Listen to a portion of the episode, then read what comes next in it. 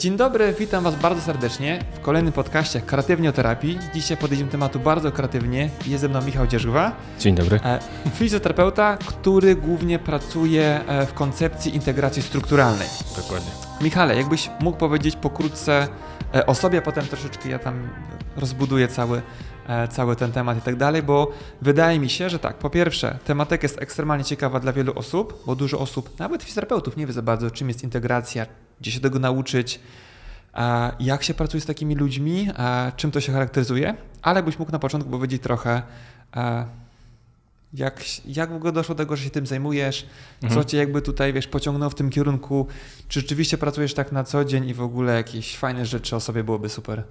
Dobra, e, to generalnie dosyć długa historia, jeśli mhm. chodzi o integrację strukturalną, bo ja jestem z wykształcenia fizjoterapeutą mhm. i tak naprawdę moja droga jakoś przypadkowo się związała z tą fizjoterapią, bo to nie było moje studia pierwszego wyboru, tylko w pewnym momencie e, wybrałem właśnie tą drogę. I fajne było też to, że w mojej szkole jednocześnie uczyłem się masażu, czyli to było technikum masażu plus mhm. fizjoterapia w tym samym czasie. No i masaż to było coś, co rzeczywiście e, bardzo mi się podobało i czym się naprawdę jarałem, bo to było coś takiego fajnego, że wychodzę z zajęć, i po każdych zajęciach moje umiejętności były na wyższym poziomie i czegoś fajnego się uczyłem, co mogłem potem wykorzystać praktycznie z moimi klientami, pacjentami albo na swoich domownikach i kolegach. I jakby szukałem różnych dróg w tym masażu. Mhm. No i w którymś momencie znalazłem coś takiego, co się nazywało masaż tkanek głębokich.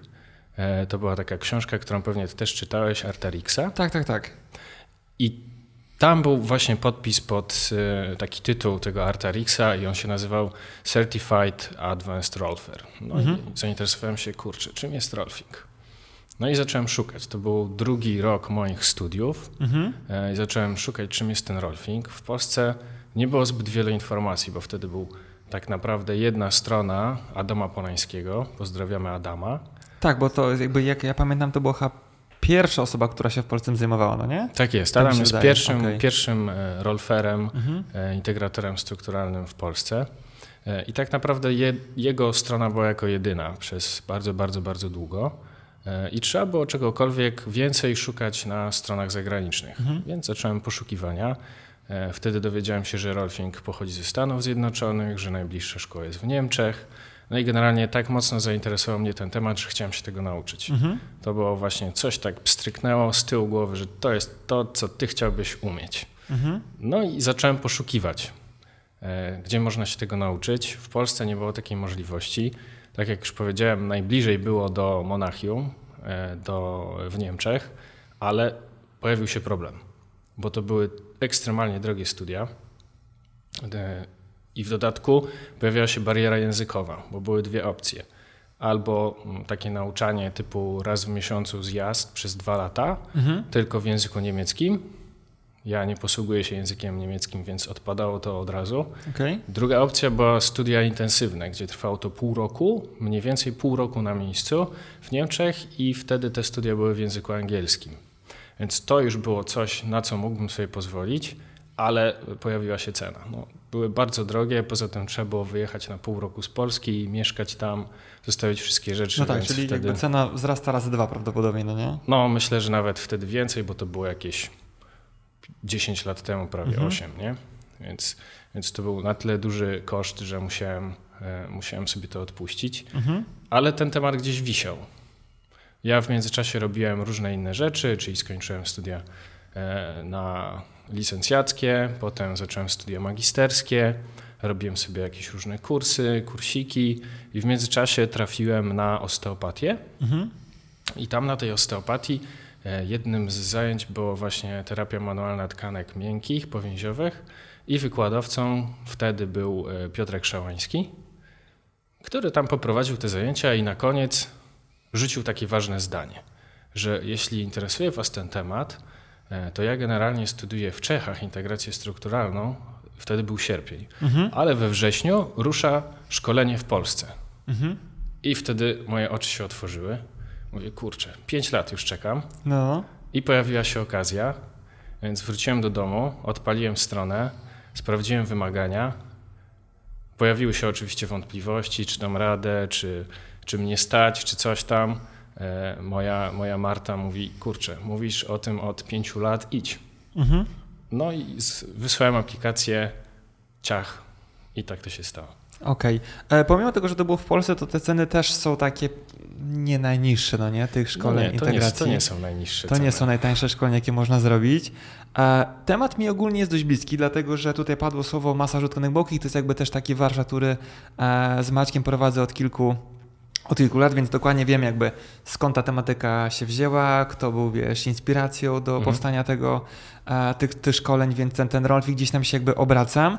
I prawdopodobnie jakby się zainteresowaliśmy e, tymi e, kursami w tym samym czasie, bo też byłem osobą, która jakby myślała w tych kategoriach, ok, dobra, bo e, jak ty poszedłeś właśnie wtedy na integrację strukturalną, to ja też się zastanawiałem właśnie, integracja czy osteopatia. I też wtedy miałem taki, wiesz, jakby byłem rozerwany wtedy, e, ale stwierdziłem, dobra, chyba jednak bardziej osteopatia, ona jest taka bardziej całościowa, więc wybrałem e, osteopatię, mhm. a docelowo nie zrobiłem jednego ani drugiego. tak, się, tak się skończyło. Tak, tak a, ale rzeczywiście no, temat jest, e, jest fajny. Jakby siebie już nie widzę za bardzo jako osobę, która stricte, wiesz, pracuje tak jak, mhm. tak jak ty, aczkolwiek widzę duży potencjał w takiej pracy.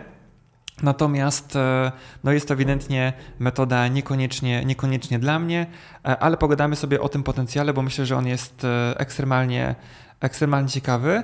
Natomiast tak, jakbyśmy mieli pokrótce, miałbyś pokrótce opisać, mhm. no nie? Czym dla Ciebie jest integracja, bo jest to, a może inaczej, jeszcze wcześniej, Ty pracujesz w gabinecie teraz tylko właśnie w nurcie integracji strukturalnej? Praktycznie tak. Można Praktycznie powiedzieć, tak. że 99%, bo nawet jeśli nie robię klasycznych 10 sesji, to moje myślenie już jest tak mocno mhm. zmienione, że, że dalej robię integrację, tylko w, w innej formie. Wiesz co, może sobie ten mikrofon przyciągnę, tak, żeby on ci nie przeszkadzał specjalnie. Mhm. Można go postawić, zrobimy sobie o, o. cyk, i on sobie będzie gdzieś tam blisko ciebie. E, dobra, czyli pracujesz ogólnie jako, ja zawsze no, słowa integrator strukturalny. Ja nie lubię tego bardzo ja określenia. Brzmi strasznie, wiesz, jakby tak e, opornie integrator strukturalny, e, ale to też jakby stricte rolferem nie jesteś.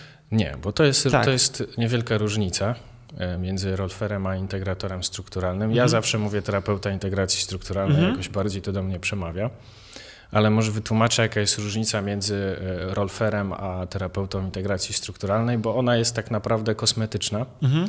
E, chodzi głównie o to, że jest jedna szkoła na świecie, to jest Instytut Dr. Idy Rolf w Stanach Zjednoczonych, który ma trademark Rolfing. Tak. Mhm. Bo tam była, historia była taka, że właśnie jeszcze za czasów życia dr Rolf powstał Instytut e, dr Rolf, gdzie ona nauczała i potem po jej śmierci on sobie funkcjonował jeszcze przez kilka lat doszło do jakichś tam spięć, część instruktorów odeszła, e, założyli taką szkołę, która nazywa się Guild for Structural Integration i ja mhm. jestem jakby absolwentem e, placówki europejskiej tej szkoły i wtedy toczyły się tam różne jakieś e, spory sądowe o ten tytuł Rolfer, Rolfing.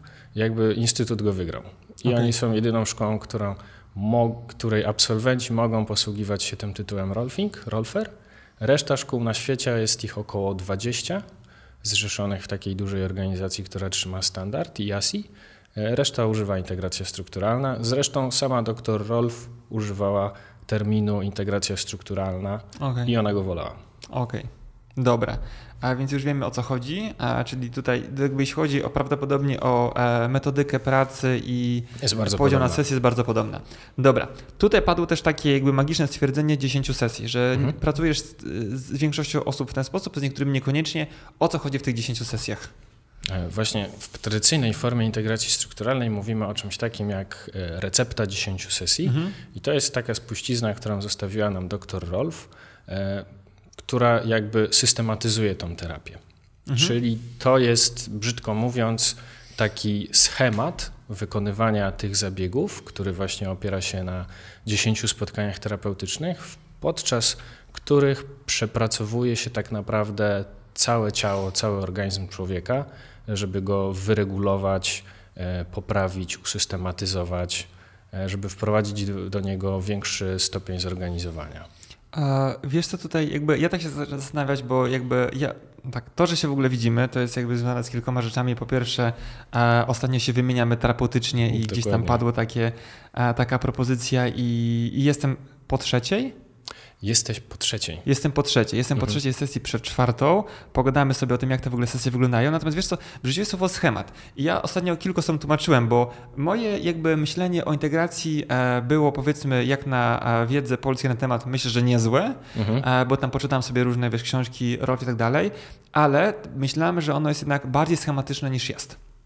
Tak. A, I tak dużo osób uważa, że wiesz, że jest taki e, protokół, który masz zrobić to, to, to i na każdej sesji, mhm. a się okazuje, że masz jakiś pewien e, założenie, co chcesz osiągnąć, ale tutaj jest dość duża dowolność, jak to zrobisz, no nie?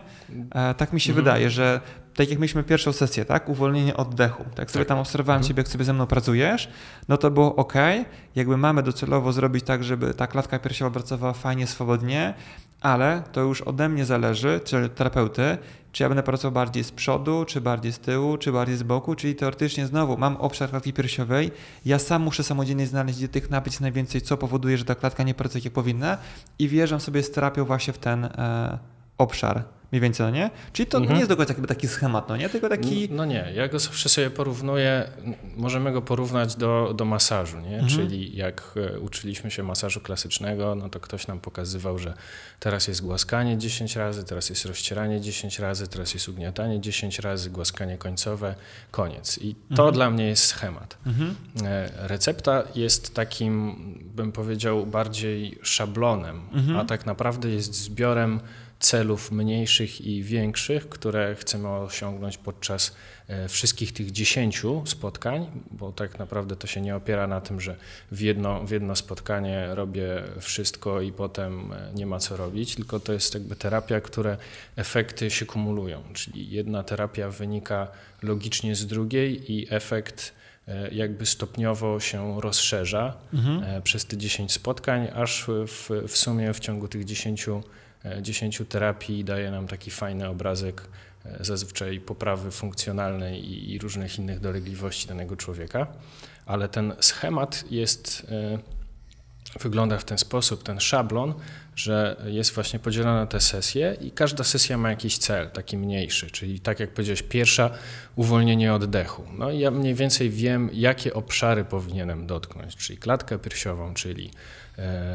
mostek, e, łuki żebrowe, czyli powinienem dotknąć tylnej powierzchni ud, talerzy biodrowych, e, karku, potylicy, powięzi piersiowo-lędźwiowej, ale w zależności od każdego człowieka, który do mnie trafia, ja muszę sam znaleźć i sam dostosować to do tego, co widzę. Czyli mhm. u jednego będę dłużej pracował na klatce piersiowej, u kolejnego będę więcej pracował w pozycji siedzącej na plecach. Jakby to jest, to jest bardzo płynne, to co się tam dzieje. Więc mhm. to nie będzie tak technika za techniką i u każdego będzie to wyglądało tak samo, bo jakby jedna sesja e, może wyglądać zupełnie różnie u, u, dwóch, u dwóch osób, a też może wyglądać bardzo podobnie, ale mhm. jakby akcenty też będą nałożone na coś innego i też będzie inny efekt. Okej. Okay. Ale to tak mi się jakby wydaje, że bardziej wygląda to, czego na pewno nie będziesz robił na tej sesji, no nie? Że okej, okay, masz jakieś tam założenia. Mhm. E, podoba mi się jakby koncepcja taka, która w sumie powinna być wykorzystywana i, i my się na przykład staramy też nawet u siebie wykorzystać, że pokazuje, że jakby praca terapeuty to jest pewien proces, no nie? Tak. Że jakby te wizyty będą się na siebie nakładały, bo nie ma specjalnie dużego znaczenia, czy wiesz, czy pracujesz manualnie, czy gdzieś tam ruchowo, czy, czy w, kon w kontekście bardziej jakichś tematów e, manualnych, kinezjologicznych, integracji. Powinno być tak, że powinien jakieś mniejsze bądź większe cele, tam mhm. powoli mhm. idziesz sobie, brniesz do przodu, do terapii i e, dopiero tam, nie wiem, na przestrzeni kilku wizyt patrzysz, że ok, przed terapią było tak i tak, po terapii jest tak i tak. No nie, bo może być tak, że e, różnica e, odczuć pacjenta z wizyty na wizytę nie musi być jakaś e, kosmiczna, bardzo mhm. często, czasami jest fenomenalna, czasami nie jest, ale już na przestrzeni e, kilku wizyt typu 5-10 ona jest e, mocno często zauważalna, no nie, że zmieniło tak. się dużo, tak, bo minęło sporo czasu, e, uwzględniliśmy sporo obszarów e, i prawdopodobnie sporo się zmieniło. Dobra, się tak zastanawiam, czy jakby będzie sens jakby omówienia jakby nie wiem, pokrótce w ogóle jak to, jak to wygląda. Bo mnie też zastanawia, bo nie jest to jakoś specjalnie popularna metoda pracy, no nie? Nie, jest nas bardzo niewielu. Jest nas bardzo niewielu. I myślę, że to jest jakiś początek jakiegoś trendu tej pracy tak. w ten sposób. E, może w Polsce, no nie było też integracja, e, tudzież sam Rolfing na świecie już trochę to e, działa, no nie? Bo no tak, Rolf, jak dobrze pamiętam, ona umarła w 79 roku. Dokładnie. No, więc trochę tych lat minęło. Natomiast e, może rzeczywiście w Polsce coraz więcej osób się tym interesuje, e, bo i samych terapeutów jest więcej, mhm. ale wśród pacjentów też pewnie popularna nie jest. Zakładam, że jak to obejrzy pewnie kilka tysięcy osób wysłucha, no to pewnie z 10% pierwszy raz słyszała o takim, o takim terminie i się tak, tak zastanawiam, myślę. no nie jakby... E, jak do ciebie pacjenci trafiają, no nie? Tam mhm. pacjenci, klienci, nie, nie wiem, jak się. Jesteś fizjoterapeutą, więc pewnie pacjenci, no nie?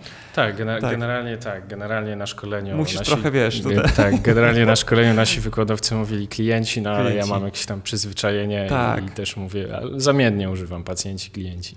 Bo właśnie, bo um, to nie jest tak, że musisz być fizjoterapeutą, żeby. Nie iść w temat integracji, no nie? Tak, no, przy integracji nie ma takiego wymogu, że musisz e, być e, terapeutą, musisz być lekarzem. Jakby podstawowym, e, podstawowym wymaganiem jest to, że musisz mieć szkolenie, kurs co najmniej 200 godzin pracy z ciałem, czy to jest jakiś masaż, czy inne. I musisz przejść swoją terapię integracji strukturalnej. To jest mega spoko. To jest coś, co mi się podoba tak samo w psychoterapii, że zanim będziesz terapeutą posługującym się tymi rzeczami, to musisz być e, zrobiony, można powiedzieć, to nie? Czyli przejść tam swoją, e, swoją całą, całą sesję. Oczywiście w psychoterapii to są setki, tudzież tysiące e, godzin. Tutaj jest ich przynajmniej e, 10. 10, no nie? E, I to jest mega fajne i to jest nawet dobre w sytuacji, kiedy e, nie wiesz, czy chcesz pracować w taki sposób, no nie? Więc idziesz sobie do terapeuty, robisz sobie, wiesz, rozmawiasz sobie z nim tak jak ja z tobą, no nie? Jakby, mhm. jakby moje e, wiedze na temat integracji się znacznie, wiesz, poprawia tutaj, jakby obcując z sobą, więc jakby wiem, czy to jest fajne dla mnie, czy nie. Jeśli chodzi o pracę w ten sposób. Dwa, a znam odczucia, no nie już na sobie teoretycznie, co się zmieniło w moim ciele, jak ja czułem się na danej wizycie, mhm. z czym było fajnie pracować, z czym nie. I to jest powiedzmy bardzo niska cena za to, która może powiedzmy albo podjąć mi decyzję szybciej, że ja chcę tak pracować, albo mnie do tego zniechęcić, co też jest spoko, no nie? bo może się okazać tak, że ktoś, wiesz, są osoby, które, nie wiem, zrobiły 4 lata osteopatii, stwierdzają, że one tak nie będą pracowały. Jednocześnie e, miały 40 no tak. zjazdów i kosztowało ich to 50 tysięcy złotych, no nie? Tak, no po co marnować dwa lata swojego życia i, tak. tam 40 tysięcy złotych, jak można właśnie przyjść na te 10 sesji i zobaczyć, czy rzeczywiście, czy to mi się podoba, czy jak przekonuje mnie i ja na tyle jestem przekonany do tej metody i jej efektów, że ja będę chciał to robić. Bo integracja, nauka trwa dokładnie dwa lata. Tak. Generalnie okay. wygląda to w ten sposób e, w Polsce, mhm. E, że szkolenie trwa 20 zjazdów trzydniowych, mhm. więc zajmuje to mniej więcej dwa lata. Okej, okay. i czyli standardowa sytuacja, raz w miesiącu masz zjazd mniej więcej? Tak, plus wakacje, więc okay. to wtedy jest te dwa lata. Nie? Dobra. I jak zrobiłeś sobie tą sesję, bo ty miałeś tak, ale, bo ty byłeś tym pierwszym rocznikiem w szkole, czyli tak. nie miałeś e, Tak, no u, sesji. Nas, okay. u, nas, u nas był ten przywilej, że generalnie e, jak my zaczynaliśmy, to chyba był 2016 rok, mhm. jak zaczynaliśmy szkolenie, to mieliśmy to przyzwolenie, że możemy odbywać jakby zaczynamy szkolenie, ale nie jesteśmy po wszystkich sesjach mhm. i w mhm. trakcie tego szkolenia możemy te sesje swoje nadrabiać. No bo w Warszawie był tylko jeden terapeuta, a tak naprawdę w całym kraju było czterech. Okej. Okay. Bo, było, bo generalnie jest z pięciu, ale jeden chyba był w Stanach Zjednoczonych w tamtym momencie, więc trzeba było jeździć albo do Warszawy, albo do Gdańska, albo do Krakowa. W Szczecinie był chyba właśnie ten e, gościu, który który mhm. generalnie w Stanach Zjednoczonych Bo pracuje. Teraz jest pewnie kilkudziesięciu, no nie? Teraz jest około 30 niecałych. 30. Jeśli no to... mówimy o tradycyjną formę, bo jeszcze są terapeuci Anatomy Trains i okay. ich też jest chyba około 30, może troszkę więcej, mhm. ale nie wiem dokładnie. No tak, bo myślę, że też e, jakby tutaj takie podejście w związku z integracją strukturalną to dość mocno się rozwija, znaczy jest bardziej popularne przez promocję e, Toma Myersa, no nie? No bo tak. to jest powiedzmy ta książka, która jest mega popularna wśród fizjoterapeutów. No, chyba wszyscy wiedzą, się... co to są taśmy anatomiczne. Tak, tak, tak, które są wykorzystywane też w innych formach terapii, czyli te wzajemne korelacje. E, natomiast ja też zauważyłem, że jest bardzo duża e, różnica w takiej pracy, którą ty robisz, a standardowym podejściem, bo Anatomy Trains nam dość dobrze, no nie? Tam, mhm. Jeśli chodzi o taką wiedzę, wiedzę teoretyczną, e, na czym to się opiera, to dość, dość, dobrze jakby znam zasady tego wszystkiego, natomiast e, no, twoja praca wygląda inaczej, no nie? Zarówno pod kątem diagnostyki, e, którą gdzieś tam wykorzystujesz w terapii, jak i samych technik i takiego e, luźniejszej formy do podejścia do pracy, no nie? Mhm jest, jest, jest sporo różnic. Jakbyś mógłbyś powiedzieć na przykład, jakie są różnice według Ciebie pod kątem e, Twojej szkoły, czyli tej czeskiej integracji strukturalnej i na przykład Anatomy Trains, bo też może dać to jakiś pogląd e, ludziom, o co w ogóle chodzi. Okej. Okay. E, użyłeś słowa czeskiej, to tak naprawdę teraz się nazywa e, European Guild for Structure okay. Integration. Był taki moment, no nie, że to była jakby czeska szkoła integracji strukturalnej. Nawet tak, gdzieś tam reklamy tak, były tak, na... Tak, okay. bo pierwsza, pierwsza ta organizacja to była CASI i jak ja okay. zaczynałem, to też się nazywało CASI, czyli tam ta czeska organizacja integracji strukturalnej i oni w międzyczasie bo jakby mieli bardzo bliski kontakt z Guild, bo to mhm. większość tych terapeutów łącznie z prezydentem naszej organizacji Aleszem uczyli się w Guild jakby nawiązali współpracę i zostaliśmy taką placówką satelitarną na Europę. Mhm. No i teraz jakby te szkolenia się odbywają bodajże w pięciu e, miejscach w Europie, w pięciu krajach. No, to jest Polska, to są Czechy, to są Włochy, e, Austria bodajże i Wielka Brytania. Okay. E, I Możesz powtórzyć pytanie? To jaka, jaka była różnica, no nie? W sensie jakby według Ciebie jaka jest różnica pomiędzy e, Twoim podejściem mhm. właśnie tej e, Europejskiej Szkoły Integracji Kulturalnej, a na przykład Anatomy Trains? Wiesz co, nie znam dokładnie Anatomy Trains, okay. ale w, jak, z kilkoma terapeutami też byłem na, na tych samych warsztatach, bo jeździmy na te same warsztaty potem rozwijające. Mhm. Wydaje mi się, że e, Anatomy Trains jest szkołą bardziej biomechaniczną, w okay. której jest dużo zależności biomechanicznych, czyli sprawdza się funkcjonowanie stawów. Jeśli jeden punkt jest kostny wyżej, to znaczy, że jest pociągnięcie za taśmę anatomiczną mhm. E, i wtedy inny element mhm. powinien się układać zgodnie z zasadami biomechaniki. E, I też jest duże wykorzystanie tych taśm anatomicznych, to ma Meyersa, bo tak naprawdę sesje są układane pod wykorzystanie taśm anatomicznych, mhm. które Tom Meyers opisał. I w Anatomy Trains jest 12 sesji. Mhm bo oni dodatkowo dokładają sesję na taśmę spiralną i jeszcze jakąś, ale tego nie jestem pewien dokładnie, okay. jaka jest ta, ta dwunasta, więc nie chcę się wypowiadać. U nas wygląda to troszkę inaczej, jakby my jesteśmy uczeni takiej pierwotnej formy, czyli najbardziej zbliżonej do tego, co uczyła dr Rolf mhm. w takim czystym przekazie tych 10 sesji. I tak jak mówię, u nas jest 10, tam jest 12. E, I w tej szkole, której ja się uczyłem, podejście jest też bardziej takie, bym powiedział. Mm, freestyle'owe. Tak, trochę freestyle'owe, trochę bardziej biodynamiczne, trochę bardziej czuciowe. Czyli tak naprawdę dwa lata szkolenia polegały na tym, że Alesz i Adam uczyli nas widzieć mhm. to, co się dzieje w ciele drugim człowieka, e, czuć i uczyli nas czuć tego, co, co jest pod rękami. Mhm. Czyli żebyśmy nie próbowali sobie naszych obrazków anatomicznych dostosowywać do tego, co widzimy, tylko żebyśmy najpierw czuli, a potem żebyśmy ewentualnie próbowali dostosować do tego, co wiemy. Tak, no i właśnie też tak e, odczuwam, no nie, że trochę tak to, tak, to wygląda, że jest tam e, bardzo dużo takiego e, swobodnego podejścia do tego, że robisz to, co gdzieś tam pod palcami rzeczywiście pod rękoma, pod rękoma czujesz. Co ciekawe, nie wiem, czy tutaj jakby słuchacze na przykład byli pacjentami na przykład, czy tam osobami, które e, poddawały się na przykład terapii czeszko-krzyżowej. Na przykład widzę bardzo dużo mhm. E, podobieństw, no nie? Co mnie też zdziwiło, myślałem, że to będzie taka, wiesz, bardziej konkretna, e, manualna, wiesz, robota, jakby czasami cię walec ma przejechać, a się okazuje, że wcale niekoniecznie, no nie? Że jest tam mega dużo subtelnej pracy, jest e, takiego trochę nawet nasłuchiwania ciała, jak jest mhm. w czaszkowo-krzyżowej, więc widać, że rzeczywiście ta inspiracja gdzieś prawdopodobnie takim podejściem osteopatycznym e, z dawnych lat jeszcze e, było, no nie? Podczas jest, tworzenia jest. rolfingu. Jest, jest. Historycznie, tak jak wczytywałem się w Będę różne... cię upominał często o ten mikrofon. Dobrze. Ale nie może tak, wiesz, bo ja widzę, że prostu ty masz taką fajną postawę. Możesz sobie, wiesz, pociągnąć mikrofon tak, żeby ustawić sobie jak ty, jak ty wolisz, no nie? Jasne. A, tak, żebyś, wiesz, nie swojej postawy tam nie dostosował do mikrofonu, bo było złe, a ty masz, te ramiona się wyginają. Dobra. Ale wracając do tego, co mówiliśmy, e, jakby historycznie przy tworzeniu integracji strukturalnej e, różne, mm, Ida Rolf czerpała różne inspiracje z tych metod w swoim czasie i e, może nie wszyscy wiedzą, ale doktor Rolf była osteopatką. Mhm. Ona skończyła osteopatię, jakby też jakieś tam pisma donoszą między innymi, że z Sutherlandem studiowała, mhm. właśnie z twórcą osteopatii czaszkowej.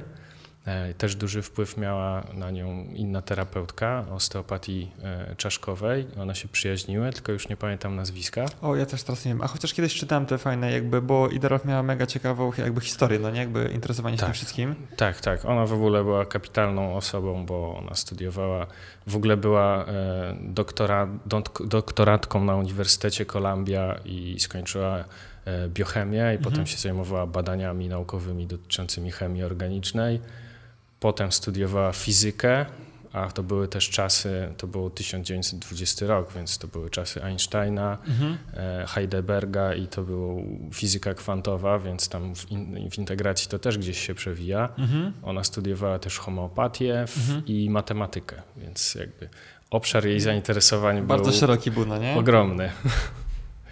No i tak naprawdę, jeśli chodzi o, o te inspiracje integracji strukturalnej, to tak naprawdę gdzieś to się pojawiło, pierwszą taką rzeczą to była yoga. Mhm. Jest taka historia, że e, dr Rolf e, po śmierci swojego ojca jakby zaczęła się opiekować e, domem, który zostawił, no i tam uprawiała różne rzeczy i też była taka historia, że kiedyś kopnął ją koń. I po tym kopnięciu ona też właśnie była u jakiegoś osteopaty, który jej pomógł ale różne przeciążenia, które w jej ciele powstały, spowodowały to, że ona zaczęła szukać rozwiązania dla siebie, jak może sobie pomóc, mhm. a medycyna tamtych czasów nie dawała rady. Mhm. No i trafiła na hatha jogę.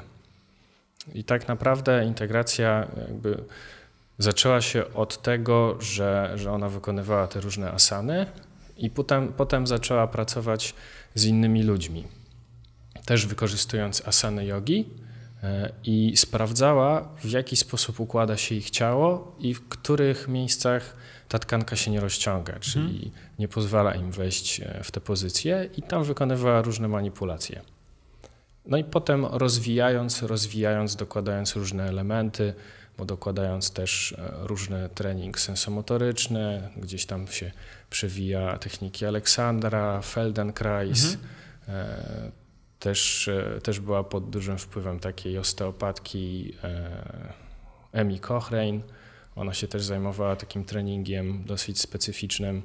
Jakby to wszystko zostało wkomponowane w, przez, przez lata jej eksperymentów w, w integrację strukturalną, którą mamy dzisiaj. Tak, i widać właśnie te różne inspiracje, jak masz, wiesz, tutaj nawet jak jakieś zalecenia wrzucasz, wiesz, e, z treningu tam Aleksandra, tak by, e, widać to, nie? Jakby, jakby ktoś e, zna mniej więcej tutaj założenia tej terapii, to gdzieś można je sobie Wyciągnąć. dostrzec, no. Fajnie. Ja się tak zastanawiam na przykład, czy jak ty sobie pracujesz w gabinecie i głównie robisz taką integrację, mhm. to masz osoby, które przychodzą i mówią, panie Michale, Jestem u Pana na integracji 10 sesji, proszę tutaj e, mnie rozpisać. Tak to wygląda? Czy to jest tak, że oni przychodzą i Ty im dopiero tłumaczysz, czym to w ogóle jest, jak to może wyglądać i gdzieś tam, jaki jest proces jakby tutaj myślowy Twoich potencjalnych pacjentów, no nie? To różnie. To różnie. E, na początku wyglądało to w ten sposób, że jakby odezwałem się do moich e, pacjentów, klientów, z którymi wcześniej pracowałem hmm. i, i oni wiedzieli, czego się uczę i co robię. Więc bardzo dużo pracowałem z e, tancerzami tanga argentyńskiego. Mhm. E, I tutaj dwójka instruktorów z Warszawy e, jakby zrobiła dobrą robotę i, gdzieś te polecenia się posypały, więc mhm. tych klientów było trochę do pracy. Potem tak naprawdę ta rozpoznawalność tej metody, tak jak powiedzieliśmy na początku, jest dosyć słaba, więc część pacjentów, którzy przychodzą do mnie, po pierwszej wizycie, po badaniu proponuję im różne rozwiązania, opowiadam między innymi integracji i oni się wtedy decydują bądź nie. A teraz część pacjentów rzeczywiście funkcjonuje tak, że przychodzą i mówią, e, generalnie polecił e, mi pana znajomy, przeczytałem pana wpis, byłem na stronie, chcę 10 sesji. Mhm. Okej. Okay. Czyli jakby wchodzą w to, czyli rozumiem, że takie 50-50, no nie? Prawdopodobnie. Znaczy docelowo wydaje mi się, że e, to też jest jakby, rozmawialiśmy sobie chyba na tej pierwszej sesji, że z jednej strony spoko, bo jakby wiesz, jakby e, doba jest ograniczona, ilość godzin pracy jest ograniczona, jednocześnie masz potencjalnego pacjenta, który przychodzi do ciebie na 10 spotkań. Mhm. Z jednej strony fajnie, fajnie, bo podejrzewam, że z niektórymi pewnie chciałby się spędzić więcej czasu niż 10 godzin, a z niektórymi po trzech już jest, e, po trzech może być ciężko. No, bywa różnie. Tak, bywa różnie, wiadomo. E, natomiast e, podejrzewam, że docelowo pewnie chciałbyś, no nie, żeby po prostu przychodzili ludzie, którzy są już mniej więcej zdecydowani na to, że e, jedziemy z tematem, pracujemy, ty ich badasz i swobodnie zaczynasz, nie musisz tak tracić czasu na jakby, nie wiem, powiedzmy jakieś promowanie, reklamowanie, opisywanie tego, co będziecie robić, tylko oni przychodzą, wiedzą o co chodzi i od razu sobie wjeżdżasz w tematykę pracy stricte rozłożone na 10 poszczególnych tam spotkań. No to byłby ideał tak naprawdę. To byłby ideał. No. To byłby ideał, no. A w innych krajach na przykład integracja jest dużo bardziej rozpoznawalna, w sensie jakby tam terapeuci mają tak, że u nich głównie przychodzą ludzie, którzy wiedzą o co chodzi, są od razu rozpisywani na 10 spotkań? Wiesz co, wydaje mi się, że różnie. Mhm. Myślę, że najbardziej rozpoznawalna jest w Stanach Zjednoczonych, bo stamtąd pochodzi. Mhm. W Europie to też zależy od kraju. Myślę, że Alesz, Alesz Urbańczyk, czyli mój e, główny nauczyciel i teraz prezydent całej organizacji, on mieszka w Szwajcarii. E, I tam, tam integracja jest e, bardziej rozpoznawalna. Wydaje mi się, że w Niemczech też. E, w, w którymś z tych dwóch krajów nawet kasa chorych refunduje część okay. na te zabiegi. Tylko nie pamiętam w którym. Ale to też zależy po prostu od ilości terapeutów. Myślę, mhm. że Czesi też mają bardziej rozpoznawalną niż, niż my, bo u nich już jest ponad 100 terapeutów wyszkolonych. We Włoszech, e, we Włoszech też jest bardzo mało tych terapeutów. Niemcy mają poza tym szkołę, bo oni mają w Rolfingu szkołę, no nie? Tak, szkołę Rolfingu, bo to mhm. się nazywa. E, skrót jest ERA, nie, nie rozwinę go, bo mhm. nie pamiętam, ale, ale to jest właśnie szkoła satelitarna Instytutu Idy Rolf i to stamtąd wychodzą ludzie z tytułem Rolfer. Mhm. Więc myślę, że chyba, chyba, chyba Niemcy mają w Europie tak największą. Okej. Okay. No, także ogólnie jakby życzę Ci takiego podejścia, bo wiem, żeby Ci obciążenia mocno, wiesz, tam z głowy spadło, jak byłoby tylko takie osoby, które przychodzą i od razu, wiesz, wjeżdżają dziękuję, sobie, dziękuję. wjeżdżają sobie w ten temat. E, wiesz co, tak się staje może jakby pokrótce, e, żeby więcej ludzi jakby wiedzieli o co chodzi, mhm. to jakby możemy sobie tak ustalić teoretycznie taki cały proces terapeutyczny, nie? czyli przychodzi do ciebie człowiek mhm. i powiedzmy, że jest idealnym, idealnym, idealnym pacjentem twoim, przychodzi, e, o, przysłucha podcast no i mówi, e, panie Michale, po prostu spodobał mi się jakby tematyka takiej pracy, e, chciałbym, no właśnie, co bym chciał? Jakby, jakie mogą być e, założenia pacjenta, który przychodzi do ciebie na integrację strukturalną?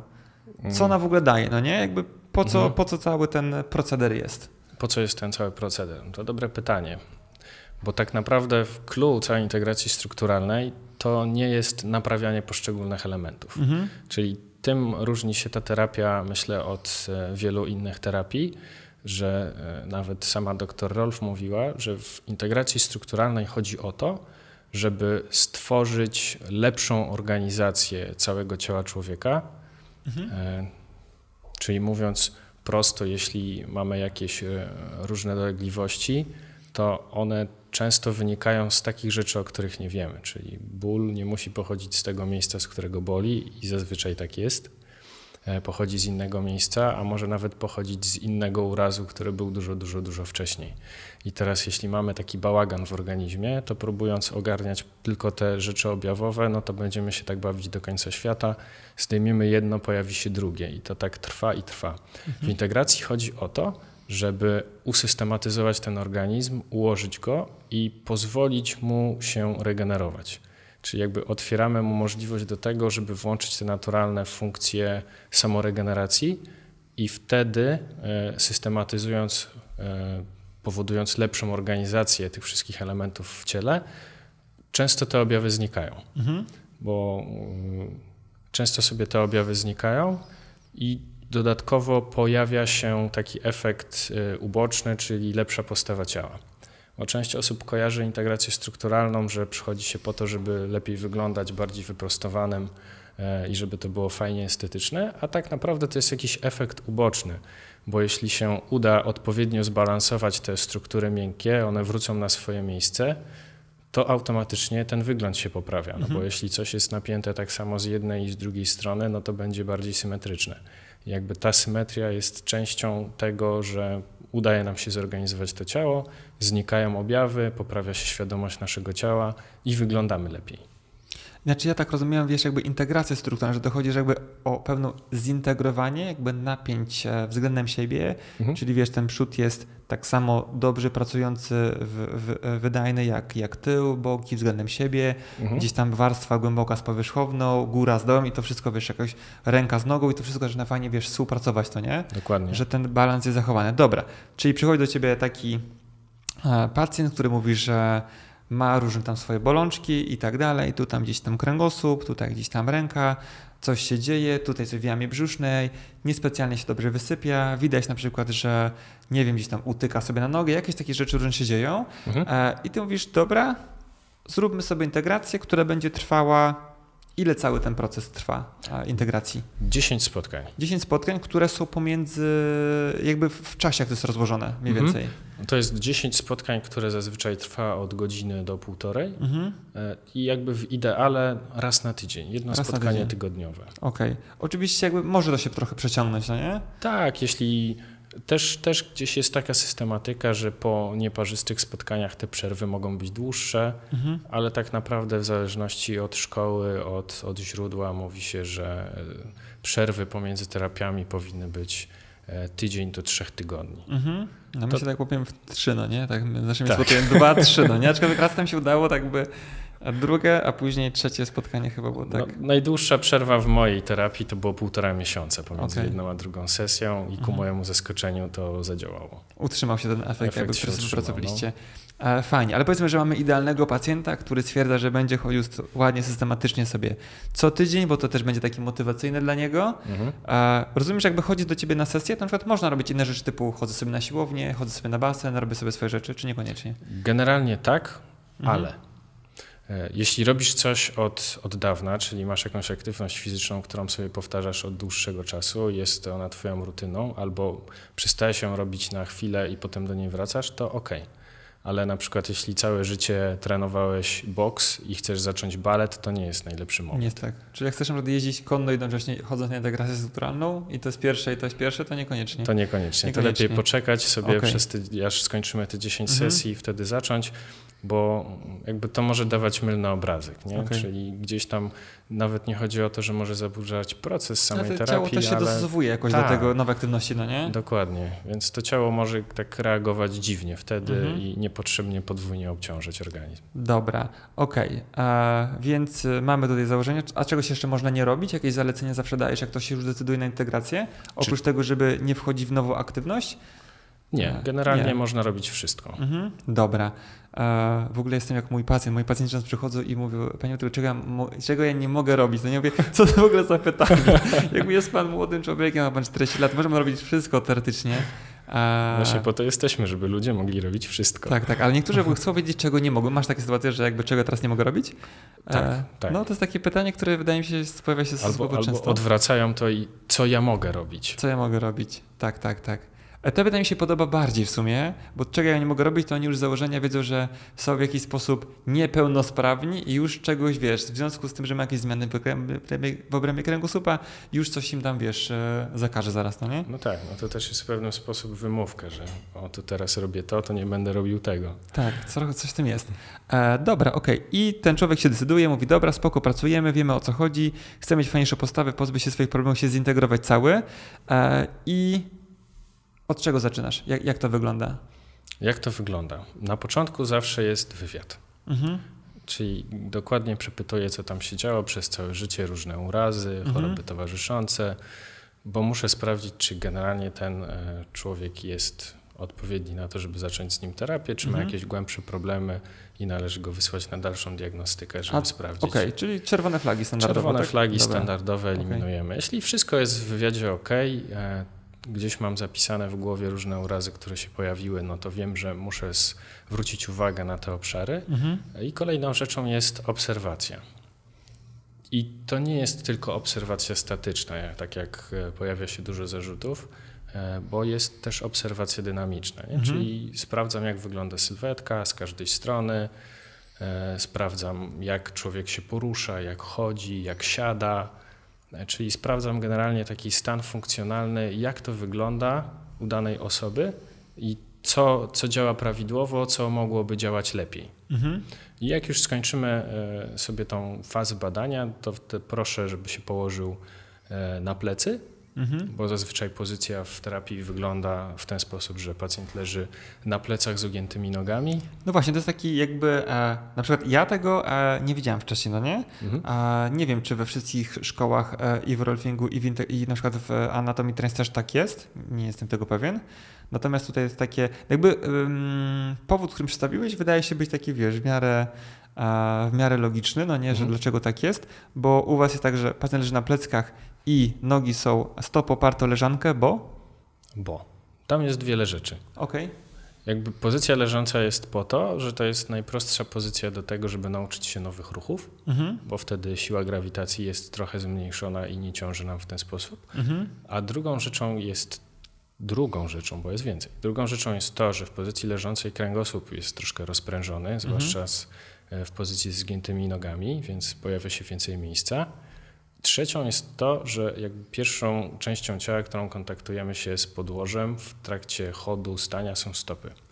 I teraz podczas leżenia te stopy są też e, postawione na materacu po to, że jak przykładam siłę, czyli wykonuję jakąś manipulację tkanki, to żeby ta moja energia, którą wkładam w danego człowieka, żeby ona się rozproszyła nie w randomowych miejscach, czyli gdzieś tam przez głowę, przez łopatki, przez różne wystające punkty kostne naszego ciała, tylko też przez stopy, żeby jak najbardziej odtworzyć e, taki naturalny cykl, jak to wygląda podczas e, prawdziwego funkcjonowania. Mhm. Okej, okay. spoko. I to jest ciekawe, no nie, że jakby pacjent w tej terapii głównie leży na pleckach, nawet często jak są opracowane, wiesz, tam boki tułowia, czy tak. nawet może być, że czasami plecy są opracowane, on i tak leży na plecach, no nie? Tak, to, to jest zaskakujące Wydaje się być takie nierozsądne to, nie? Tak, tak, że opracowuje im plecy, a oni leżą na plecach i takie jest przez chwilę zastanowienie, ale jak to, jak będzie pan pracował na plecach? A się okazuje, że można się wśliznąć pomiędzy plecy a stół i coś tam fajnego e, porobić. Dokładnie. Więc to jest coś, co rzeczywiście może różnić inne podejście pod kątem takiej, wiesz, pracy manualnej tkanek miękkich, e, czy innych tam form masażu od integracji strukturalnej. E, I dobra, czyli pracujesz sobie w tej pozycji i jak wyglądają sesji? Bo tak, mówiliśmy sobie pierwsza sesja, oddech. Pierwsza tak? sesja oddech. Oddech to życie, no to jest rozsądne, nie? Jakby oddech to życie, jak poprawisz oddech, to pacjent będzie lepiej dotleniony, wiadomo. Mhm. E, coś, jakieś inne, inne założenia są oprócz tego, że e, poprawi mu się jakby gdzieś tam praca gdzieś przepony, będzie dotleniony, będzie co tam jeszcze się dzieje ciekawego w oddechu. Tak naprawdę e, w pierwszej sesji właśnie uwalniasz klatkę piersiową, uwalniasz oddech po to, żeby zwiększyć tą pojemność życiową płuc, żeby mhm. ten organizm mógł się dotlenić, żeby poprawiło się krążenie, ale tak naprawdę klatka piersiowa jest takim witalnym elementem, który będzie otwierał cały system bo w klatce piersiowej będziesz miał połączenia bezpośrednio z całą kolumną kręgosłupa, więc poprawia się funkcja szyi, poprawia się funkcja kręgosłupa lędźwiowego, do, do żeber, do kręgosłupa będzie się przyczepiała też przepona. Przez przeponę przechodzi biodrowo-lędźwiowy, mhm. który też będzie miał wpływ, e, który, na przepona będzie miała na niego wpływ i automatycznie też będziemy mieli wpływ na kończyny dolne. I podczas pierwszej sesji też pracuję nad tak naprawdę uwolnieniem częściowym e, kości udowych od miednicy, pracując na krętarzu, na tylnej powierzchni uda, po to, żeby e, już zacząć ten proces, żeby miednica wróciła do poziomu, czyli horyzontalności miednicy. Mhm. I tak naprawdę to jest jeden z głównych celów całej integracji, czyli żeby ta miednica była jak najbardziej horyzontalna, po to, że wtedy jeden segment ciała może się opierać na tym segmencie poniżej i jakby ten cały człowiek wtedy jest zorganizowany wokół e, linii pionowej środka ciężkości mhm. i tak naprawdę wszyscy funkcjonujemy w polu grawitacyjnym Ziemi. I teraz kiedyś mój fizyk zapytał, co to jest pion. Generalnie wszyscy podawali jakieś różne dziwne teorie. Okazało się, że piąto jest oddziaływanie siły grawitacji. I teraz wygląda to w ten sposób, że jeśli mamy ciało w dysbalansie, to porównując, można je porównać do klocków Lego, ale tak naprawdę lepszym porównaniem jest namiot. Mhm.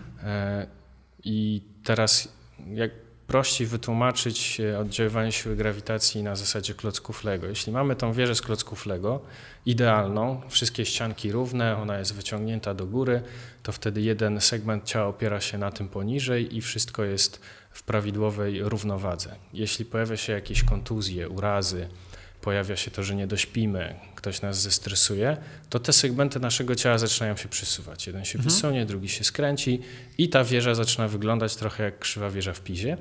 I w tym momencie grawitacja zamiast nam pomagać, to trochę będzie nas dojeżdżać. Czyli będzie powodowała to, że szyja ucieka do przodu i wtedy pojawia się różne, różne inne kompensacje, które bronią nasze ciało przed tym, żebyśmy się przewrócili. I teraz organizując ciało wokół tej e, linii pionowej, e, tworzymy takie środowisko dla naszego organizmu, żeby mogło sobie pracować e, wydajniej i też, żeby pomagała nam ta siła grawitacji, a nie przeszkadzała nam funkcjonować w tym polu. I jakby pierwsza sesja już jest takim otwarciem tego całego procesu, który ma zapoczątkować te wszystkie zmiany. Mhm. Czyli uwolnienie oddechu, horyzontalna miednica, i tak naprawdę są dwa główne, podstawowe cele pierwszej sesji. Tak, tutaj bym dorzucił, bo to jest, to jest mega rozsądne, nie? że w ogóle gdzieś tam praca przy klatce piersiowej pod kątem wpływu na gradient ciśnień i coś się okazuje, mm. że już masz wpływ na wszystko, no nie? Czyli tak. jakby pierwsza sesja i masz wpływ w ogóle na, cały na całe ciało. Dobra, lecimy. Next session to... Dwójeczka. Dwójeczka. Sesja numer dwa to jest sesja poświęcona stopom, podudziom, mhm. czyli popularnie łydką do kolana mhm. e, i też plecom. I sesja polega na tym, żeby poprawić e, funkcjonowanie stawu skokowego i stawu kolanowego, żeby pracowały w jednej płaszczyźnie, czyli żeby stopa nam nie szła w prawo, a kolano w lewo. E, to nam, e, to nam daje właśnie lepsze podparcie dla stopy, poprawę wysklepienia tej stopy, i potem kolejną częścią jest właśnie praca na plecach, po to, żeby mhm. tą pozycję wydłużyć. Mhm. Więc druga, druga sesja to będzie taka sesja uziemiająca, gdzie będziemy właśnie pracowali nad tym, żeby postawić tego człowieka z powrotem na stopach i żeby też wyciągnąć jego plecy, rozciągnąć ten, mhm. e, ten tył. Po, potem mamy trzecią sesję. Jestem po niej. Jesteś po niej? Jestem po niej. Powiem ci, że znaczy, e, ja w ogóle jeszcze dorzucę takich ciekawostkę jedną. E, strasznie dziwne objawy mam po e, chyba po każdym, jakby po każdej pracy. Docelowo jest jakby czuję się fajniej, no nie? Natomiast dziwne rzeczy mi się w ciele e, dzieją. Wiem, że tam na niektórych elementach mam trochę różnego tam bałaganu. Mhm. E, I co ciekawe, myślałem, że często e, wyleczone kontuzje, a się okazało, że zaleczone częściowo, bo nie wiem, czy ci to mówiłem, czy nie, ale miałem hmm. mega dziwne objawy pod kątem e, Achillesa swego. A to nie Taki po prostu, wiesz, jakby wstaję pewnej nocy, e, znaczy wstaję pewnego ranka, staję na stopie, nie mogę, no nie? W sensie taki, wyznaczam sobie kuleć i mówię, kurde, jakby, jakby nic nie robiłem dnia wcześniejszego, jakby znowu jakiś niespecyficzny problem. Później mi się przypomniało, że e, miałem tam rzeczywiście, wiesz, jakby problem jakiś i on już mi nie wychodził, ale jak mi rzeczywiście występ, zaczyna się dziać ta cała reorganizacja tkanek, napięć w ciele, mhm. a mogło się, wiesz, docelowo okazać tak, że w jakiś sposób nieświadomy trochę tą nogę odciążałem. Lewą, jak to, wiesz, teraz mieliśmy tu sesję a, trzecią, która polega na pracy z boczną taśmą, tak? Dobrze pamiętam? Tak, z bokami ciała. Z bokami ciała, z bokami ciała i powiedzmy tak mi się wydaje, że to by było logiczne, zacząłem troszeczkę bardziej obciążać to lewą nogę, która była w odciążeniu, to gdzieś ten e, dyskomfort zaczął się pojawiać. I on mi minął. Potem pojawiło się biodro. minął mi i wiesz, i tak samo sytuacja identyczna, po prostu idę i wiesz, tam idę sobie dwa kilometry, dwa kilometry jeden krok, coś dziwnego biodro zaczęło się dziać, to nie? No i tam wczoraj sobie tam troszeczkę, wiesz, poruszałem się, bo to było niedawno, więc tak też nie wiadomo za bardzo skąd, no nie? Po prostu Nic nowego, że nowe aktywności, tak.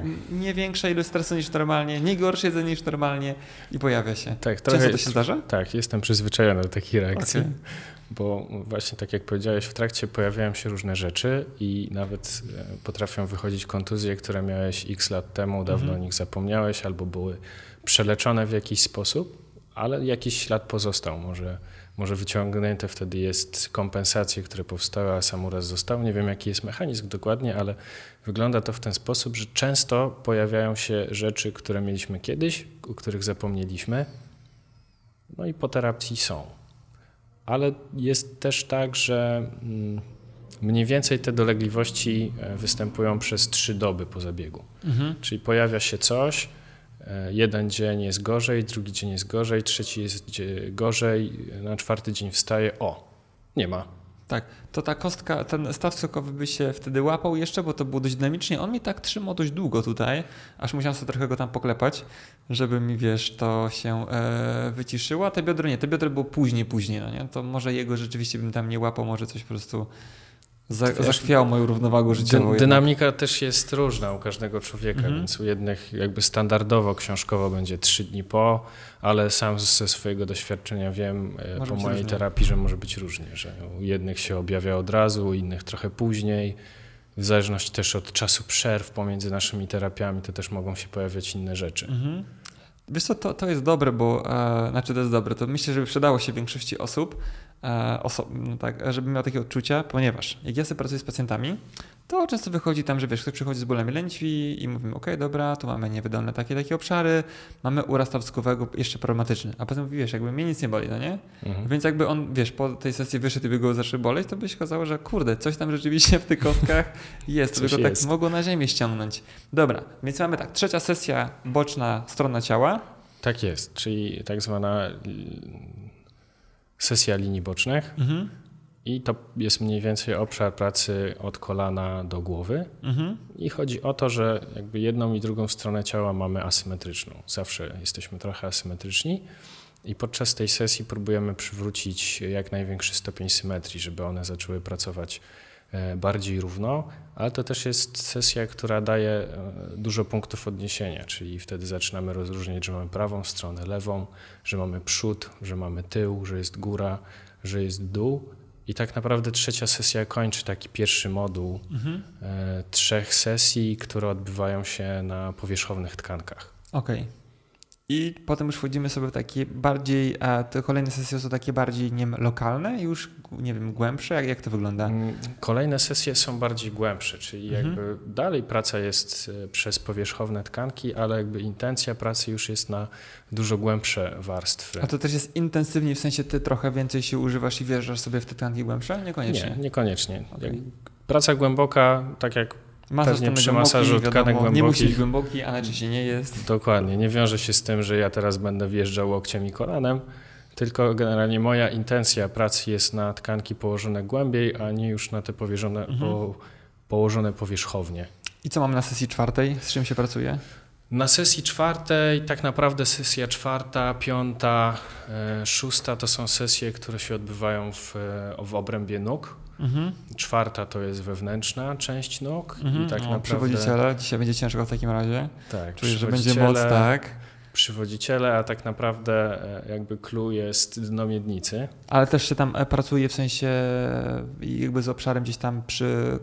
Yy guzie kulszowym i gdzieś tam mhm. gruszkowatym i tak dalej? Tak, przy guzach okay. kulszowych, przy kości guzicznej. Dobra. E, czyli to jest jakby mm, kwintesencja czwartej sesji. Nie czyli... poda mi się specjalnie ten obszar. Wiem, że to będzie, będzie, będzie ciekawie. Jest, jest ciekawy, ku mojemu zaskoczeniu. Jest dosyć newralgiczny u wielu mhm. osób, ale też daje fajne, fajną poprawę. Mhm. E, w piątce wchodzimy tak naprawdę na relacje kręgosłup, e, stawy biodrowe, uda, czyli mięsień biodrowo Boże, uciekł. Biodrowo-lędźwiowy chodzi ci?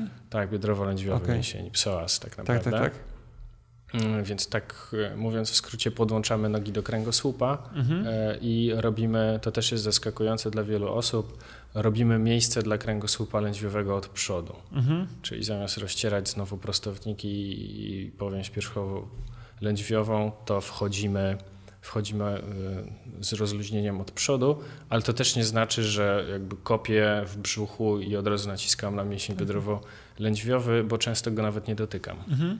No tak, bo często jak zrobisz po prostu, wiesz, po prostu pracę z tętkami miękkimi brzucha, to już wiesz, wszystko już na fajnie gdzieś tam e, odpuszczać, no nie? Dokładnie. No to też, jest, to też jest fajna rzecz w integracji strukturalnej, która mnie jako wtedy studenta integracji dosyć dziwiła, że żeby uruchomić jakąś strukturę, wcale nie muszę nad nią pracować, tylko wystarczy, że zrobię jej miejsce do tego, mhm. żeby ona mogła zacząć pracować. Tak, wiesz co, możemy tutaj, bo dla mnie to jest ekstremalnie zrozumiałe, jakby prosta sprawa, ale tutaj myślę, że możesz wrzucić taki e, jakiś przykład, no nie? Czyli na przykład, mhm. nie wiem, a ten przykład z kolany wydawał się taki rozsądny, bo część osób mówi jakby, jak to jest zrobić miejsce, żeby ona dobrze pracowała, przecież jakby ma miejsce anatomicznie, no nie? Jakby mhm. o co chodzi. A fajnym przykładem jest to, że nie wiem, powiedzmy pacjent ma problem z, wybierz sobie obszar, nie wiem, kolano, łokieć, coś tam no, dajmy na to, że pacjent ma problem ze stopą. Stopą, ok. I ma ograniczenie ruchu. W ogóle. W ma ogóle. Ograniczenie w różnych kierunkach mhm. albo jest po skręceniu. Mhm.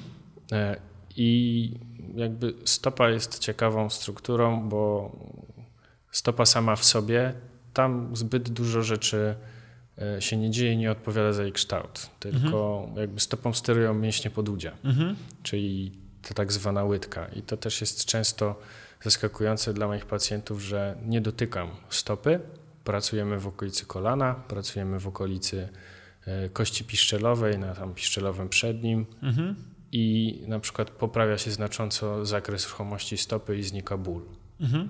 Więc to może być takim przykładem. A też może być takim przykładem praca z kręgosłupem lędźwiowym, czyli ból kręgosłupa lędźwiowego i teraz zamiast e, położyć pacjenta na brzuchu i pracować rzeczywiście z tym kręgosłupem lędźwiowym, to można popracować z powłokami brzusznymi, mhm.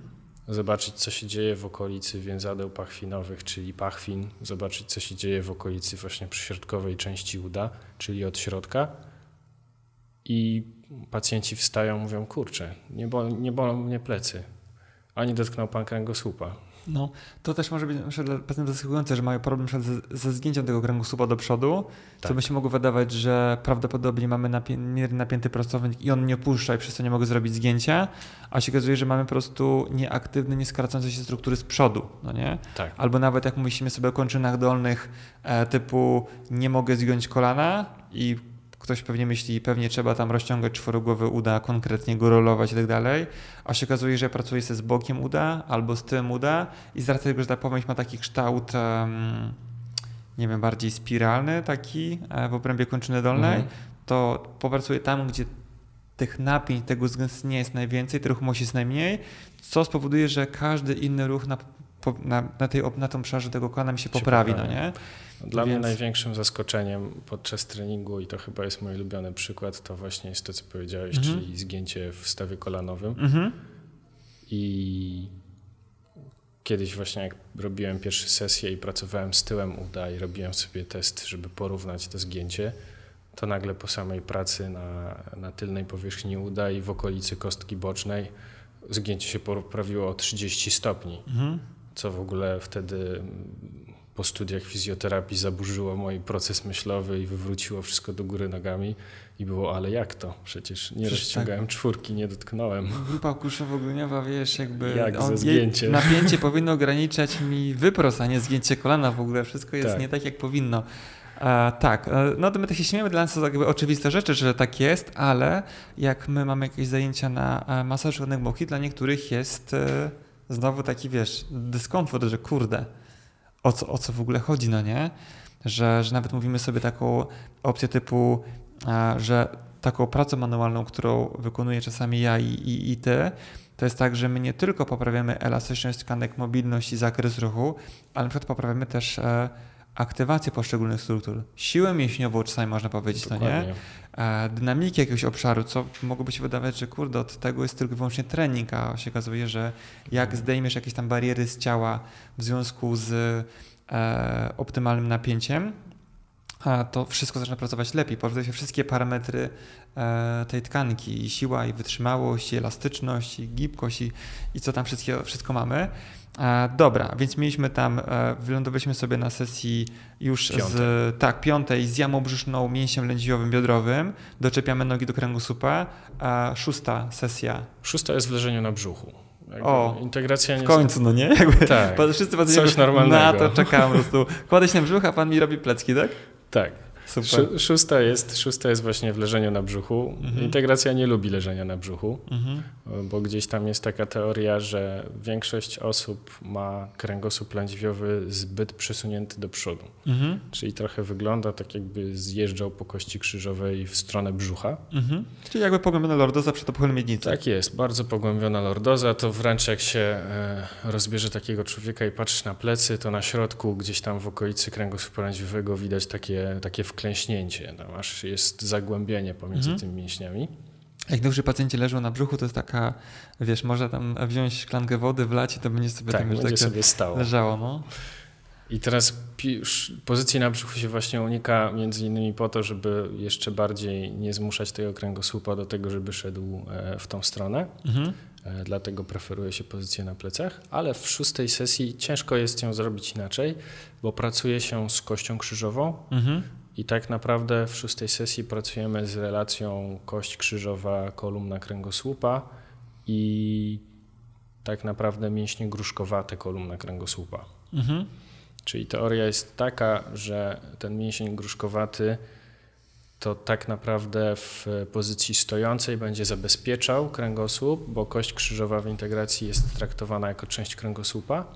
Będzie zabezpieczał kręgosłup przed tym, żeby on się ześlizgiwał do przodu.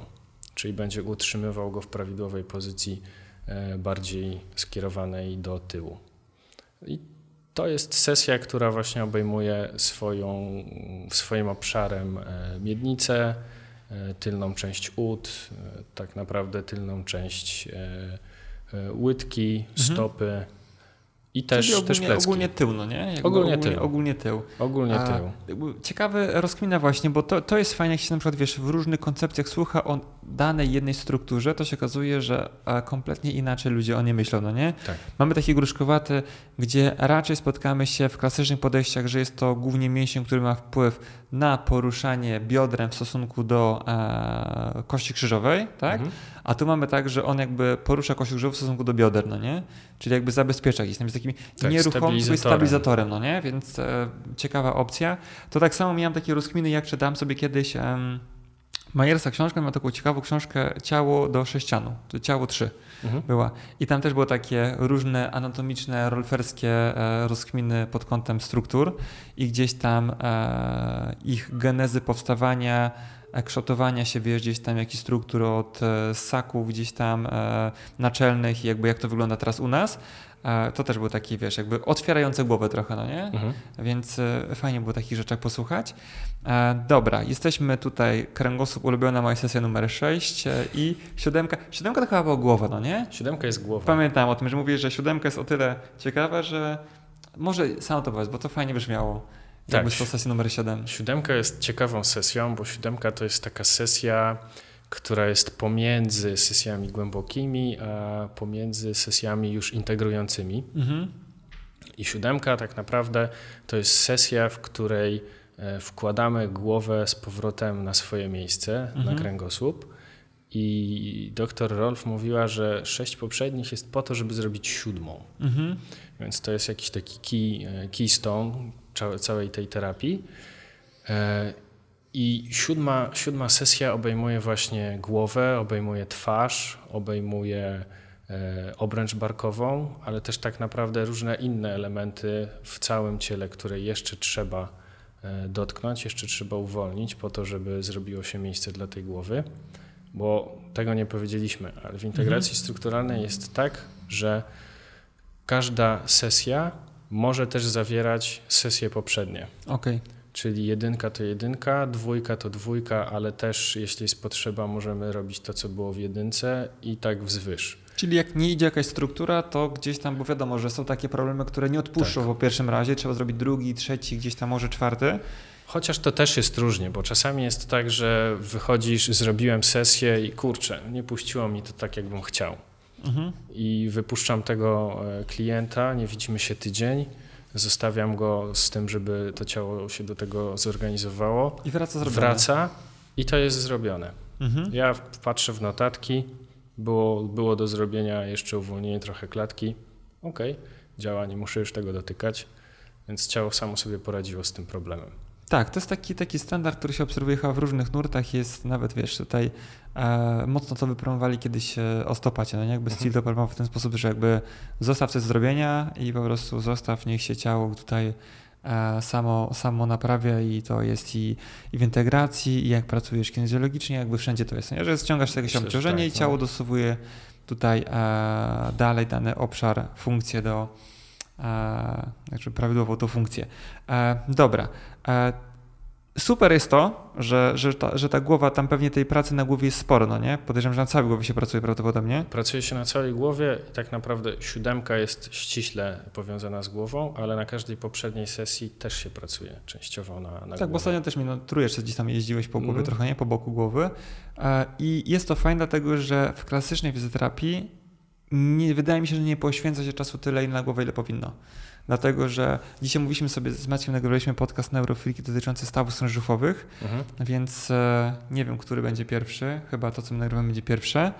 E, I właśnie mówiliśmy o tym, że w, w kontekście głowy fizjoterapeuci pracują z tym stawem sążuchowym, coraz więcej osób, może tam potylicą to wiadomo, pracuje się często, bo nadaje dużo korzyści. Tak, to zawsze. Może z czołowym mięśniem i tak, ale że wiesz, żeby gdzieś tam jeździć po głowie stricte albo jeździć po twarzy, to niestety jest tego za mało, a z racji tego, że my mamy bardzo dużo urazów na głowie na przestrzeni wiesz, swojego życia, są różne, wiesz, jakby wypadki samochodowe, upadki, poporodowe podrażnienia, które wpływają na przykład na szwy czaszki mhm. i wypadałoby to, wiesz, w pewnym momencie wymielić trochę e, tą głowę.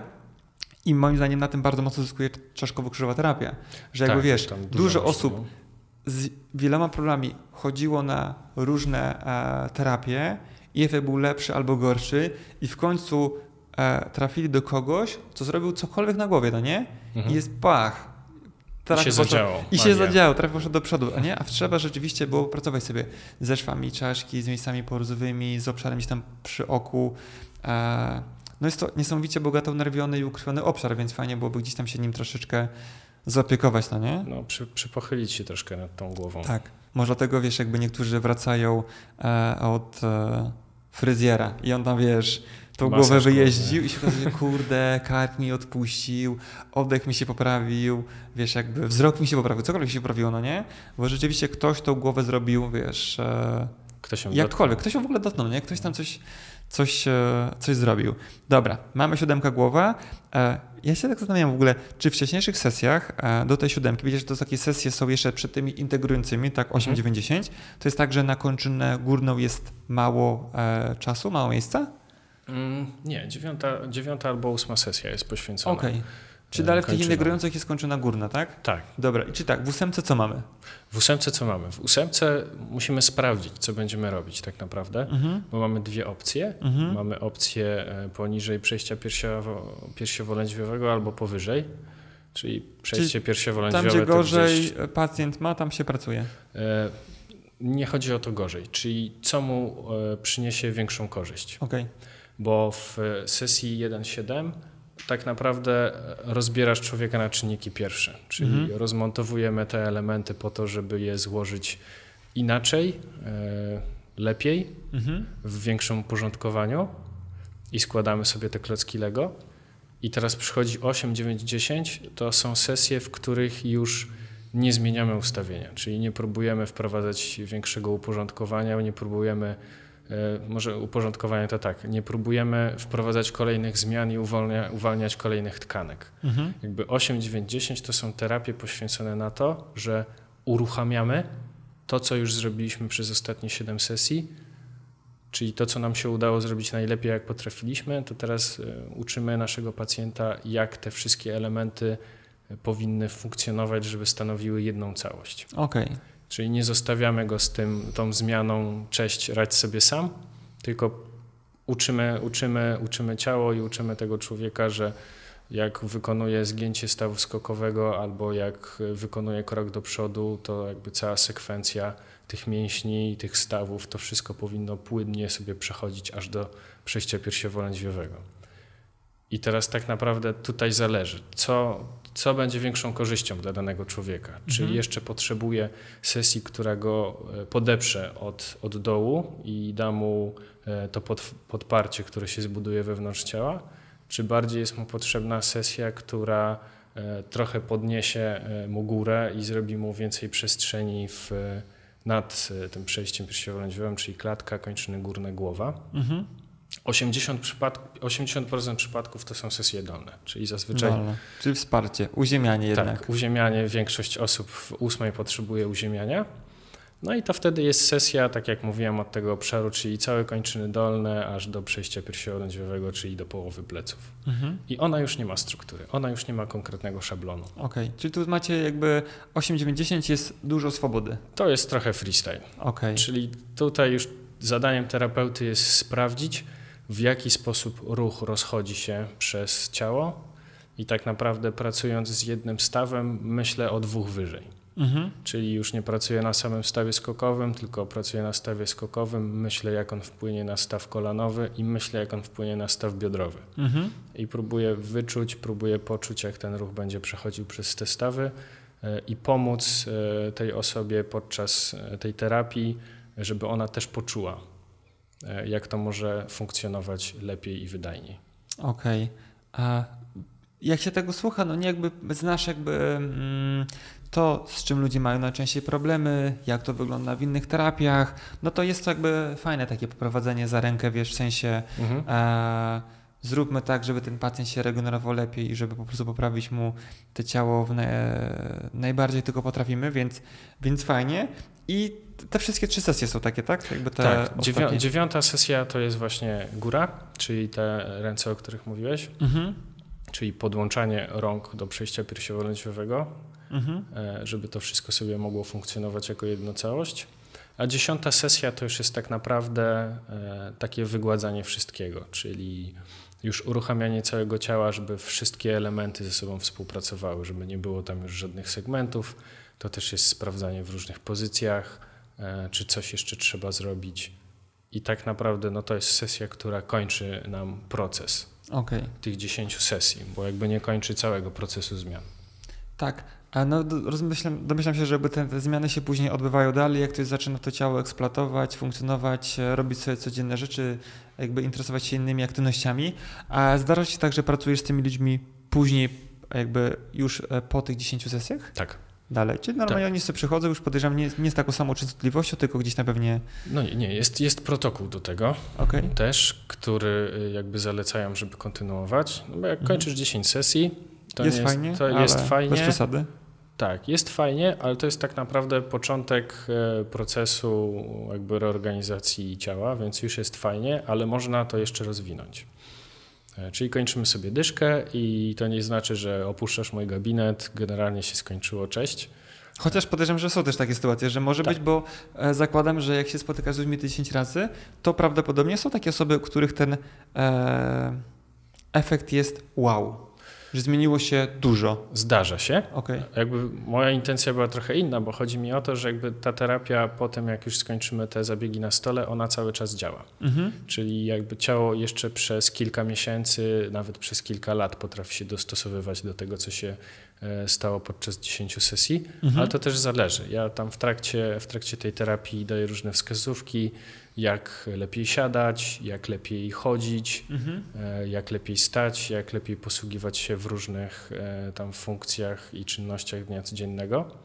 E, to są takie niewielkie prace domowe, które można sobie wpleść. Jeśli ktoś to kontynuuje, to ten efekt się rozwija fajnie. Jeśli wraca do swoich starych nawyków, bo może, no to ten efekt gdzieś się tam zaburzy po jakimś czasie. Tak, no standardowo, jakby redukacja jest dość istotna, nie? Bo jednak te problemy się z czegoś wzięły. Dokładnie. Więc fajnie byłoby wyeliminować ten czynnik, który nas najbardziej e, obciąża. Ale potem jeszcze mamy coś takiego, mhm. co się nazywa ten post free, czyli to są takie trzy sesje, które będą rozwijały ten efekt, który zrobiliśmy podczas tych dziesięciu i te trujeczki można robić już do końca życia, jeśli okay. ktoś ma ochotę. Jak ktoś lubi, to mu daje fajny efekt i jakby czuje, tak. że to jest dla niego. No i wtedy z częstotliwością raz na pół roku, raz na rok, takie trzy sesje nieprzypominający, bo to są trzy sesje rozwijające tak naprawdę. Mhm. E, można sobie stosować. To jest fajne, bo jednocześnie jakby to też jest taki e, plan naprawy siebie e, mhm. często na miesiące, lata, no nie? Tak. Że, że gdzieś tam można uwzględnić jeszcze oprócz takich rzeczy standardowych, które robimy typu chodzimy na siłownię, chodzimy na basen, chodzimy na ściankę, to jest jakby kolejna rzecz, która teoretycznie ktoś ma na mnie pomysł na najbliższe miesiące, no nie? Albo na najbliższe lata. Fajne dla pacjentów. Myślę, że dużo osób pod kątem jakby e, taki, wiesz, momentu, że ten rozwój na różnym etapie jest ważny, to ten w związku z tym też jest istotny. Nie? I tu masz takiego, hmm. powiedzmy, ruchowego e, doradcę jakiegoś, no nie nazwijmy to tam trenera i tak dalej, nauczyciela. Sama doktor Rolf mówiła, że jakby jej metoda nie jest metodą leczniczą, tylko mhm. integracja jest taką metodą edukacyjną. Czyli jakby edukujesz człowieka w tym, jak on może sobie lepiej funkcjonować, pokazujesz mu, jak to zrobić mhm. i towarzyszysz mu w tym procesie. I potem od niego zależy, czy on będzie chciał, czy nie będzie chciał. Okej. Okay. E, wiesz, są takie dwie rzeczy, bo e, ja trochę swoich widzów znam. Oczywiście dla, dla pacjentów to myślę, że wyczerpaliśmy tutaj. Ktoś powie, to jest dla mnie, mhm. idę sobie E, do takiego Michała do Warszawy. Podejrzewam, że nie wszędzie w Polsce będzie mógł sobie coś znaleźć dla siebie, bo tych osób, które pracują integracją, mówisz, że jest około 30 w Polsce. Tak, około 30. Zakładam, że są skumulowani w, głównie w dużych miastach, prawdopodobnie. No, tak. Więc pewnie Warszawa, jakiś Kraków, pewnie jakiś Gdańsk, coś takiego. Tak. Pewnie w mniejszych miejscowościach może być ciężko z tym. Natomiast tak, żeby się tego nauczyć, dla osób, które powiedzmy są terapeutami i sobie to oglądają, to jest szkoła europejska, tak? Jest szkoła europejska. Która trwa dwa lata. Dokładnie. Jest okay. w Warszawie. To się nazywa European Guild for Structural Integration. Mhm. E, stronka to jest rolfguild.eu. Okay. Tam wygląda w ten sposób, że możecie sobie wejść na tą stronkę, otworzyć zakładkę e, Basic Training i tam będą wszystkie informacje dotyczące kiedy rozpoczyna się kolejne E, kolejny trening. Bodajże rozpoczyna się w tym roku we wrześniu albo w październiku. Kolejna edycja. Ona jest co roku?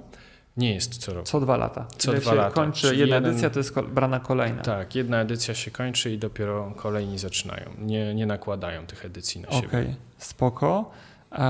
I oczywiście, jak kończysz sobie coś takiego, bo ty już kilka lat temu sobie skończyłeś taki, e, taki kurs długi, rozwijający, taką szkołę, tak to oczywiście są różne warianty, żeby się rozwijać. Dokładnie. I na tym etapie jesteś jakby teraz. Tak, jestem na etapie właśnie rozwijania się. W tym roku miał być kurs zaawansowany, bo oprócz Basic jest Advanced.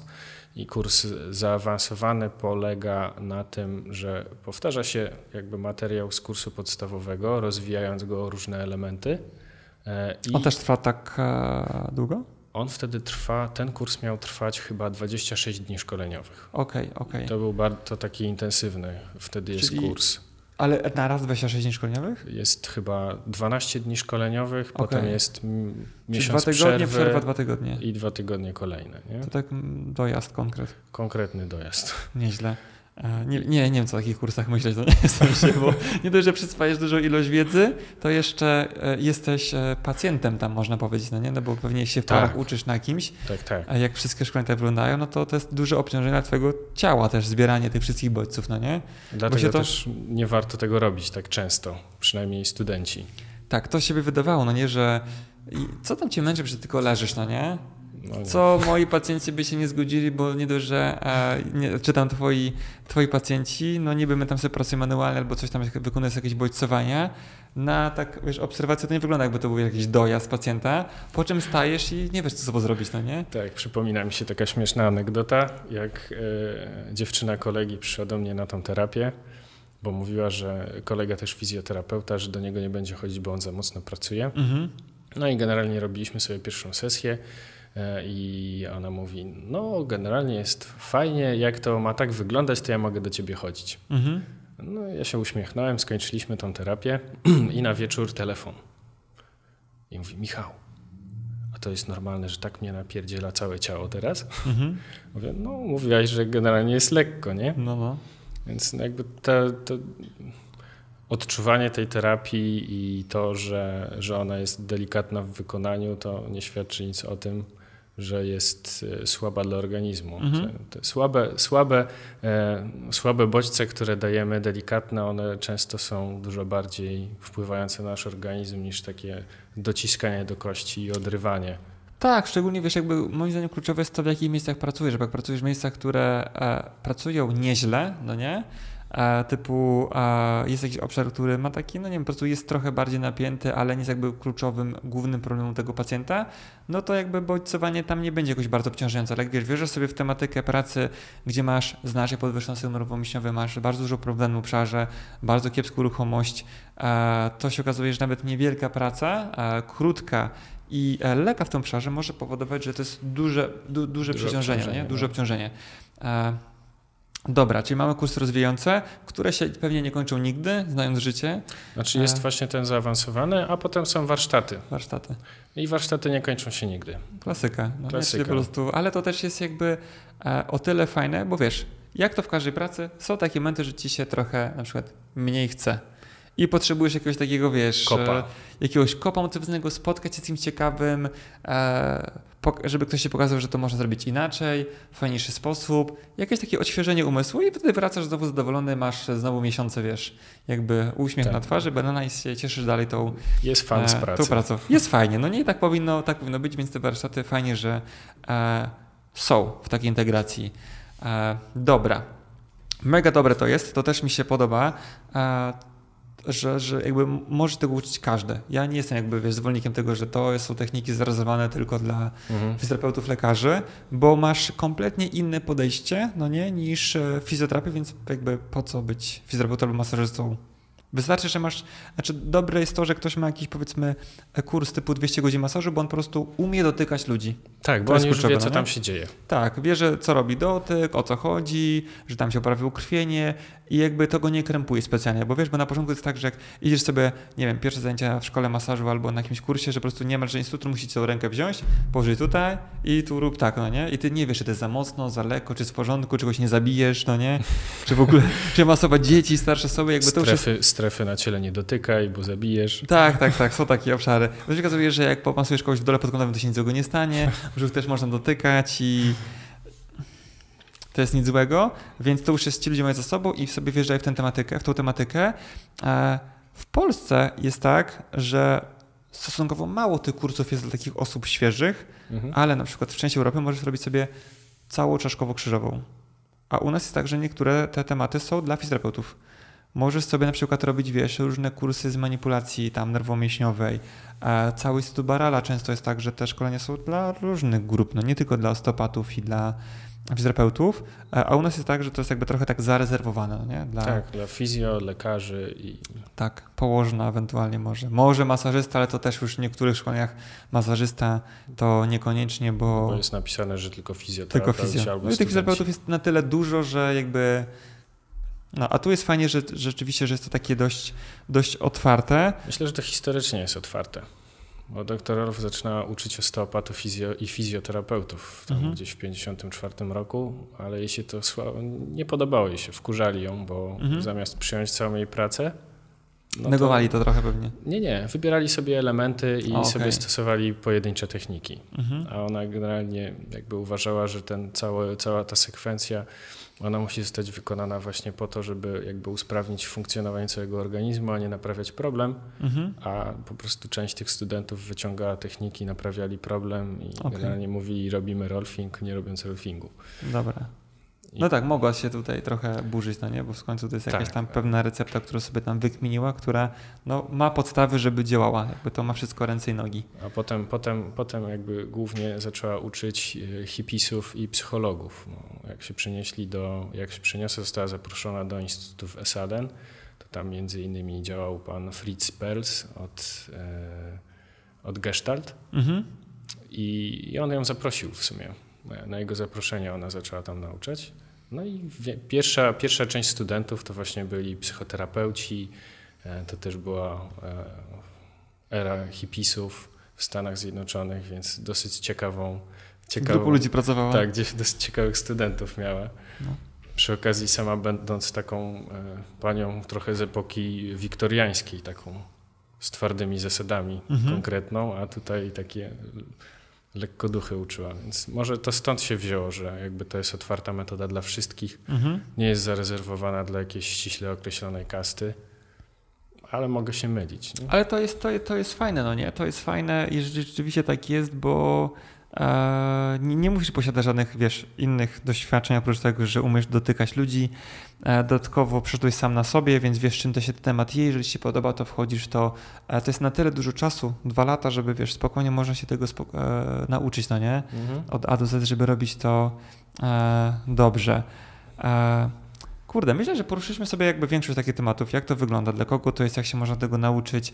E, jakby ktoś się chciał do ciebie zapisać, gdzie się można, gdzie to można zrobić? Gdzie można znaleźć więcej informacji o tobie? Gdzie można znaleźć więcej informacji? Tak. E, mam kanał na YouTubie, ale tam są dwa filmiki, więc okay. generalnie nie, niekoniecznie. Mhm. E, prowadzę Facebooka, mhm. E, Michał Dzierzgwa, Integracja Strukturalna. Prowadzę okay. też Instagrama, mhm. MD Podłoga, Integracja Strukturalna.